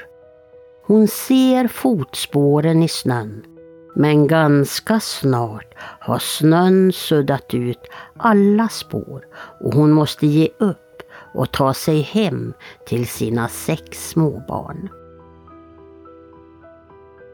Natten blir kall. Temperaturen sjunker till minus åtta grader och snön den fortsätter att falla och falla. Dagen efter ger sig flera ortsbor ut för att leta med länsman i spetsen. Men de hittar inte det minsta spår av flickorna. Efter någon dag så avbryts sökningen och länsman lär då ha yttrat de grymma orden. De är säkert döda och torparungar, det finns det gott om. Men föräldrarna fortsätter att leta efter sina flickor. Men till slut är även deras hopp ute och dagarna går. Natten till första advent, den första december, har Hulda Hultgren, klockarhustrun i Svinhult, en märklig dröm. Hon ser i drömmen två små barn som ligger insnöade under en gran vid en stor sten och barna är vid liv. Prästen Manneberg, han hör talas om drömmen och han tar den på allvar och en ny skallgång kallas ihop. För prästens önskan, det är att barnen ska hittas och få en begravning i vigd jord. Skallgången pågår i fyra dagar. Då, efter 21 dagar, hittar torparen Axel Lind barnen vid liv men utmärglade och svårt nedfrusna. Flickorna tas till lasarettet i Kisa. Där konstateras att båda flickornas fötter är så förfrusna att de måste amputeras. Flickorna själva kan berätta om de långa dygnen av skräck som de har upplevt där under granen. De har försökt stiga upp den första morgonen men deras fötter hade förlorat känseln och de kunde inte gå. De hade lyckats överleva på den maten som de hade fått i Grindsbo. Men det hade varit svårt att öppna ett paket med mjöl med de frusna fingrarna. Då hade en ekorre gjort dem sällskap och gnagt ett hål på påsen så att alla tre hade kunnat komma åt mjölet. De hade sett ljuslyktor under de allra första dygnen.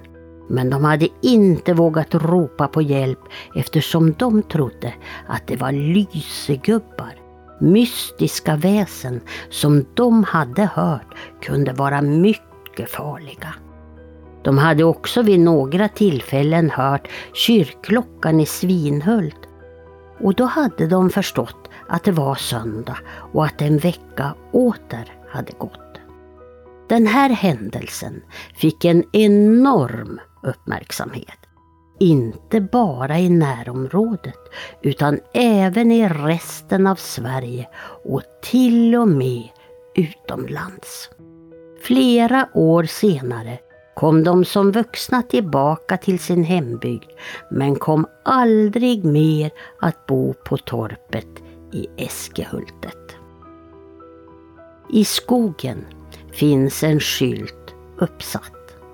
På den står det vid denna sten och under denna gran låg systrarna Augusta och Jenny, åtta och elva år gamla, i vinterkyla den trettonde i elfte till den femte i tolfte år 1901 efter att ha gått vilse i skogen i snöyra.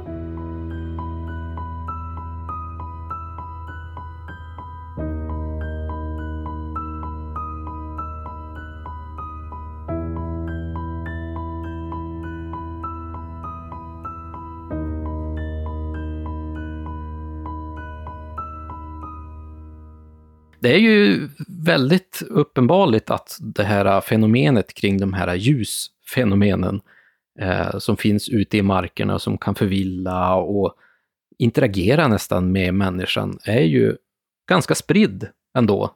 Det är inte bara här i Norden, utan det finns ju uppenbarligen över hela världen. Men vi har ju några, eh, och du nämnde en här i början, Willow Wisp till exempel. Och så finns ju den här Jack och Lantern också. Är det, det är från brittiska öarna båda de här komma från? Va? Ja, precis. Eh, det finns ju olika benämningar. Alltså det här, men lyktmän finns ju från olika, finns från Ryssland och Belgien och så vidare. Men just den här benämningen eh, Willow Wisp, eller Willow the Wisp, är ju från brittiska öarna. Och här finns det olika beskrivningar av vad det här är för något. Den har fått, som jag sa i början, namnet Jack och Lantern. Så finns det sägenbildning kring varför det är. Eh, um, Friars Lantern och de andra som jag nämnde här precis inledningsvis. Eh, och det här har ju senare då förknippats med alltså, spöken och, och eh, fairies som man säger, oftast på brittiska öarna, som då är väsen. Men det är också, också, det finns också den här, alltså mer som kanske de, vi ska tänka oss irrblas, de här ljusen som man ser. Det är ju samma typ av fenomen, naturliga fenomen som har gett upphov till det här till stor del. Och tittar man på exempelvis samlingar av eh, folklore från de brittiska öarna så finns det lite olika verk att gå till. Men ett bra verk är Catherine Briggs, A Dictionary of Fairies, eller A Dictionary of British Folktales. I, I de här senare finns också som heter Folk Legends, och en av dem så finns det massa, massa delar som på Ghost. Men i de här så beskrivs ju lite olika beskrivningar vem den här eh, personen då är, om man nu tänker sig att det är en person som har förvandlats till den här typen av, som driver omkring med den här lyktan. I en då så finns det en som heter Will Smith, som är en... är han prinsen av Bel Air? Ja, han är faktiskt ganska våldsam. Han är en, en våldsam smed här. Han är inte på Oscarsgalan. Nej, nej, nej. Men han får, han får liksom en andra chans eh, mm. innan för att komma in i himmel, himmelsriket då. Men det hjälper inte för han fortsätter leva som en idiot kan man säga då. Och eh, då straffas han. Och eh, kommer för evigt behöva vandra runt på jorden. Och i den här beskrivningen då så är det djävulen som ger honom ett glödande kol, bara ett kol. Och den här kommer han dels ha för att värma sig själv, men också för att kunna lura in eh, en del personer in i träskmarker och annat. Det är inte den kändaste, för den kändaste är något helt annat. Så det är ju den här mera irländska varianten. Och det passar sig ju alldeles utmärkt nu för att snart är det halloween och eh, eh, fall nu när vi spelar in, när jag hör det, så har det precis varit. Men där finns det en person då i, i beskrivningar som är irländsk tradition, en som heter alltså Drunk Jack eller Stinger Jack, har lite olika varianter. Han är också en riktigt hemsk person att ha att göra med. Och djävulen kommer för att eh, hämta hans själ. Men han lurar då djävulen och säger att han ska förvandla sig till en, ett mynt. Alltså djävulen ska förvandla sig till ett mynt. Så han kan betala sin sista, sin sista alltså whisky får man tänka sig. Eller sådär. Men då stoppar Jack ner djävulen, som nu är ett format mynt, i sin ficka där han har ett krucifix. Och förhindrar honom att förvandla sig tillbaka till sin ursprungliga form. Så här är en variant av det vi också har i Sverige med en smed som lurar djävulen. Men han säger att han, att han kan få eh, låta djävulen gå fri. Men då vill Jack ha tio år till på jorden och leva. Och efter den här tiden så kommer djävulen tillbaka och ska ha sin belöning igen, eller ska ha hans själ igen. Men så lurar honom, eh, Jack honom igen och håller på så några gånger. Men sen ska han ändå in i, vill han komma in i himmelriket, för djävulen lovar då att inte längre ta sin skuld av honom. Men det visar sig att han inte är välkommen till himlen längre. För att han har betett sig så illa i livet. Mm. Och då tvingas han ta sig ner till helvetets portar, till helvetet. Men djävulen vill inte ta emot honom heller. För att han har lurat honom. Och därför måste han glida omkring på jorden för evigt som en sån här irrande själ. Då. Och han har då, han lyser upp sin plats med en, alltså en karvad, alltså eh, kolhuvud som man kan karva ut som ett, som ett ljus. Och det här får bli som en lanterna för honom eh, som han lyser upp med, en lykta. Så det är en variant, det finns lite olika, men när det här senare kom till USA så förvandlades eh, då kom ju pumporna in istället. Så därför har vi ju Jack och Lantern är ju nu en pumpa med ett brinnande ljus i. Men från början är det en rova, heter det plötsligt på svenska. Och, och, jag har sett någon bild på, på sån här urkarvad... Ja, det finns massa gamla kvar i, från Irland. Ashäftiga. De... de ser ju mycket mer skrämmande ut än de här pumparna. Ja, ja visst. och det, det är den här han gled omkring med att lösa upp då. Ungefär samma mm. sak som den här andra Will Smith då, i, i England. Ja. Vet du vad jag tycker är roligt med den här sista berättelsen? Det är att han, han eh, vill komma till eftervärlden och då kan han då komma till himmelriket, men där fick han inte komma in. Utan då får han som straff och skickas ner till helvetet, till djävulen. Men då säger djävulen, nej, här får du inte heller komma in. Så ett ännu värre straff, det är att du får gå på jorden igen. I all evighet. I all evighet. Jo, men han har ju lurat så, Vad är värre då? Är, är helvetet värre än... Ja, han har ju lurat djävulen två gånger, så djävulen utgår ifrån att han ska bli lurad igen. Och då, då får han irra omkring sådär på... Det är en förklaring till vem han är. Ja, vad är det de säger? Hell on earth. Men det finns ju också sådana såna personligheter beskrivna också i våran folklore, där man, personen har lurat djävulen flera gånger, eller anses vara värre än djävulen själv. Och här är Jack en sådan person, som får glida omkring på det här sättet. Men det finns ju liknande fenomen från andra håll, i, alltså att det är olika trolldomskunniga. I Mexiko finns det sådana här brujas, tror jag, alltså häxor som också kan efter döden bli en slags ljus och sådär. Så att sådana här ljusfenomen finns från olika håll. Men eh, här i Sverige har vi då våra lyktgubbar eller irrbloss. Lyktgubben låter ju ganska trevligt ändå, även om man kan vara Irrbloss låter också sådär lite smågulligt. Ja, men det är irr, du har irr om i det. själva ordet i sig, eh, som du säger, irr är ju inte det jättefina, men eh, det, ja, ett bloss, ett litet bloss är ju alltid Men trevligt. lysgubb och lysare låter väldigt mycket trevligare, som också finns som Mm. benämning. Mm.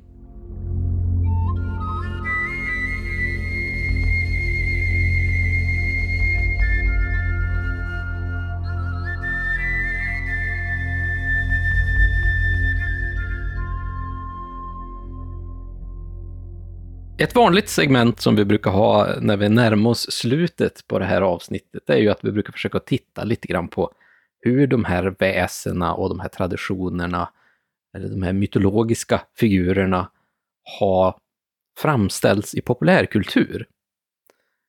Och jag har funderat på det här kring Lyktgubben och, och Irrbloss och så här. Har jag inte tänkt på så där jättemycket. Jag vet att när den här uh, julkalendern som var på radion, som hette Marvinter tror jag, Mm.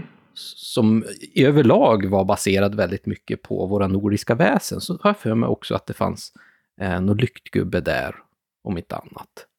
Annars är det, när jag tänker på populärkulturen så är det väl, för mig i alla fall, mer den här uh, Will Wisp eller uh, Jack O'Lantern. Eh, som ofta förekommer i mer typ fantasy rollspelssammanhang, tänker jag. Mm. Jo, precis. Men alltså egentligen så har ju den här typen av ljusfenomen förekommit i populärkulturen. Om man räknar in John Miltons Paradise Lost som ett exempel så jämförs djävulen med den här som är som förvirrar folk. Ja, till massa olika litteratur. Dracula finns det med i Bram Stoker. Så, så liksom redan i början så berättar greven då, Dracula, om en folksägen där som ska då ha med Will och Wisp att göra. Eh, Men det är inte det jag tänker på, det finns ju många exempel här. Men för mig är det, och nu kommer jag bli extremt nördig igen. Som, eller igen, jag är fan alltid nördig. Ska det bli nördigare? Ska bli, nu ska jag bli jättenördig. Nej, men jag brukar ofta nämna Tolkien i sådana sammanhang. Och Tolkien har ju självklart i Lord of the Rings, så finns det ett ställe som i, när Gollum leder in Sam och Frodo till, mot Mordor, så går de igenom något som heter Dead Marshes. Och här så berättar Gollum att de ska inte följa ljusen.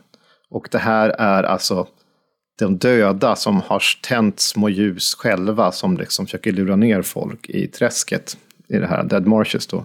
Så det för mig är väl det starkaste. Sen tror jag också förekommer i Harry Potter och sådana saker. Men Tolkien absolut är väl det starkaste. Det har du ju absolut rätt i Tommy. Hur, hur kunde jag glömma det? Det är ju så otroligt kopplad till just den här tanken om irrbloss och ja, i Lyktgubben också, att det är det här kärret och att det är de här döda, de här själarna som, som eh, finns kvar där. Just det. Sen finns det också i en film, en animerad film, en sån här Pixar eller Disney Pixar, som, Mhm. som heter Brave, som utspelar sig, är det i Skottland va? Den här. Ja, Där är precis. också Willow Wisp med ganska länge som leder henne vidare in. Det är en sån sak, men som sagt det finns ju säkert hur många exempel som helst som man inte kommer på när man bara ska få ur sig det här nu. Och här är ju som vanligt, jag tycker att om ni vet några fler ställen i populärkultur, alltså när vi säger populärkultur, det kan vara böcker, det kan vara spel, det kan vara i tv-serier, ehm, i, i konst, var som helst, där man har illustrerat lyktgubben eller den här typen av ljusfenomen och irrbloss på ett lite roligt sätt. Eller ett väldigt dåligt sätt, som ni inte alls kanske tycker om. Hör gärna av er. Ni, ni får ju jättegärna höra av er på våra sociala medier. På Oknytt Sverige eller eh, åt- hos dem på Suttungsbro på Instagram. Det tycker jag absolut. Det är så roligt att få, få eh, veta mer om de här sakerna.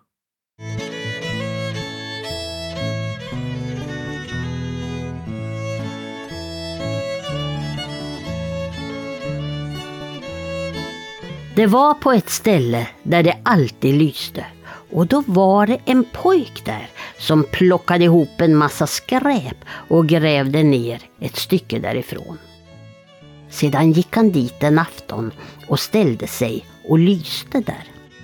Rätt som det var så kom det en lyktgubbe och frågade pojken varför han gick där och lyste. Pojken visade sin skatt, men lyktgubben tyckte, som sanningen var, att skatten bara var skräp och sa till pojken att följa med honom så skulle han få se på bättre.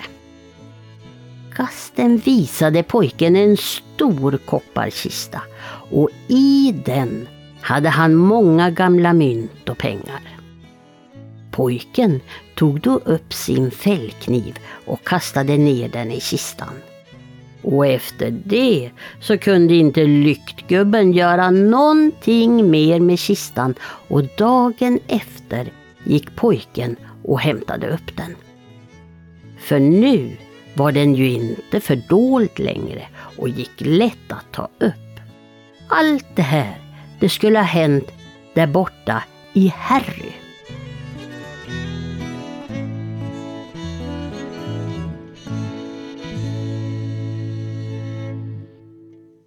Ja, hörru du Tommy. Va, vad ska vi säga egentligen om de här lyktgubbarna? Va, va, vad är det egentligen, tror du, som fascinerar så mycket kring just de här? Det har ju varit ett väldigt efterfrågat ämne. Det har det ju, och det har varit väldigt kul att prata om det också.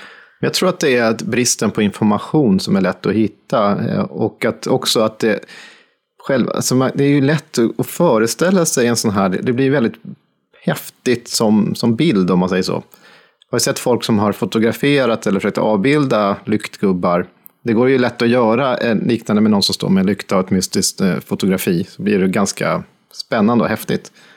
Och också den här idén om att det har funnits um- sådana här um, gaser som brinner och större fenomen ibland och det är så pass eh, alltså spritt över hela världen liknande typer av fenomen och olika föreställningar knutna till de här som ju ser klart olika ut i Asien eller Sydamerika eller Nordeuropa eller vad man nu är.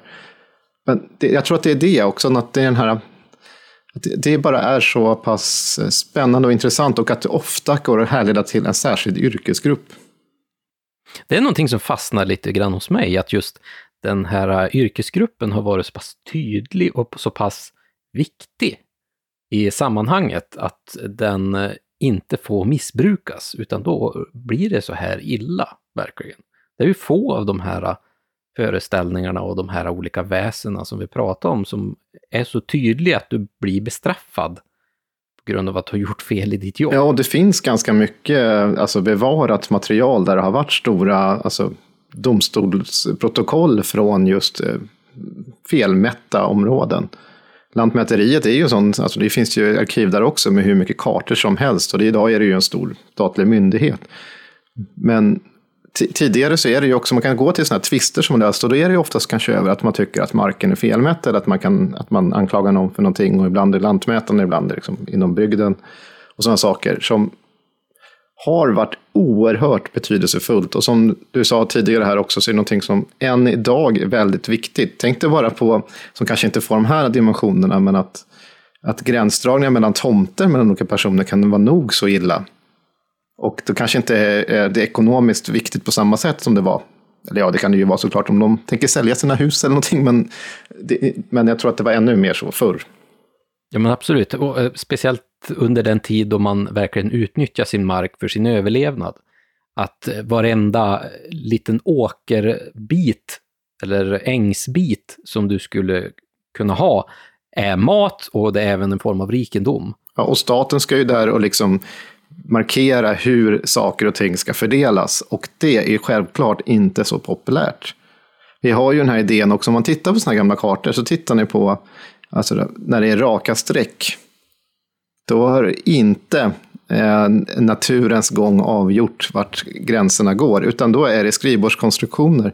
Och I värsta fall så kan vi se det till och med hur länders eh, gränser har dragits, inte minst med Afrika, när europeer har suttit med linjal och dragit vad som är vad. Och det strider ju helt mot, det blir ju helt förvirrande såklart om man har ett berg som går liksom en flod, så helt plötsligt ska, nej den delen av floden är ena landet och det andra är inte, och den här landsremsan tillhör det landet och det tillhör det. Och är är ni mindre så kan det bli gårdar då om man tänker sig här. Eller åkerareal. Jag tänker lite så här, Tommy, om vi har no vi har ju så otroligt många lyssnare och det är ju så himla kul. Och jag sitter och funderar, är det någon av er nu som jobbar på Lantmäteriet? Vi vill inte skrämma er, eh, eh, men det är ju uppenbarligen ganska bra om ni sköter ert jobb, enligt de här traditionerna.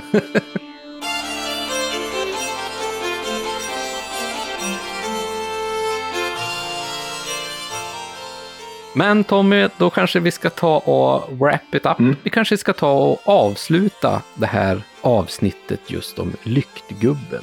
Det har varit himla spännande. Som vanligt så kan jag ju säga att vill man följa oss på sociala medier och se vad vi hittar på där, och vi lägger ju alltid ut spännande saker om nya poddar och lite allt möjligt, eh, härliga bilder ifrån Oknytt och så här, så kan man följa oss på Oknytt Sverige, både på Facebook och Instagram. Och Tommy tycker jag absolut att man också ska följa och där kan man följa honom på Instagram på Suttungsbrew. Och sen har vi den här härliga Facebookgruppen också när man talar om trollen eftersnack.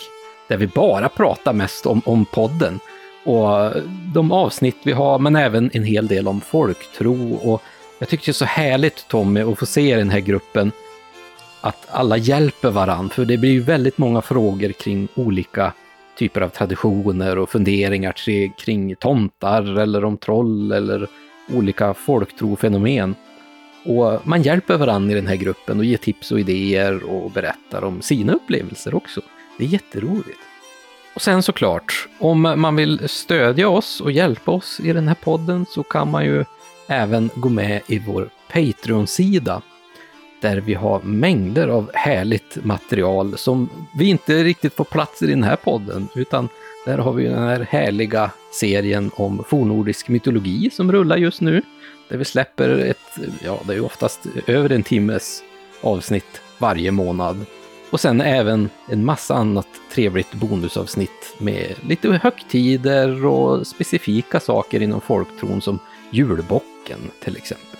Så att eh, det kan vi absolut rekommendera om man vill höra mer av oss. Både du, jag och eh, Eva såklart, som läser in alla de här berättelserna åt oss. Men eh, Tommy, ska vi säga tack och hej då? Så hörs vi i nästa avsnitt. Det gör vi. Ha en härlig tid till dess. Det är ju faktiskt snart eh, allhelgona, så att eh, kom ihåg att tända ett ljus även där. Och följ inte de fladdrande ljusen på grav, gravarna nu. Precis, om de här ljusen på gravarna börjar röra sig, stanna kvar på kyrkogården, gå ingenstans. Hej då Tommy! Ja, hej då. Podden är producerad av Oknytt, Nordisk folktro och mytologi och intromusiken är komponerad av Mark Jungerman.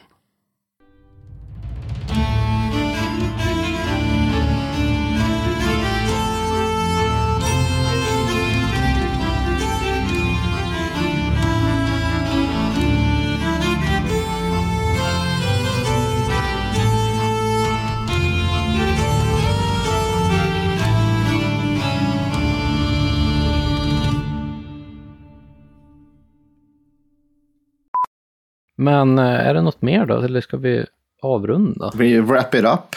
Kanske några avslutande ord eller någonting. Hej då! Hej. Du, du, du, du, du, du, du, du, du, du. Måste bara ha något mer än så.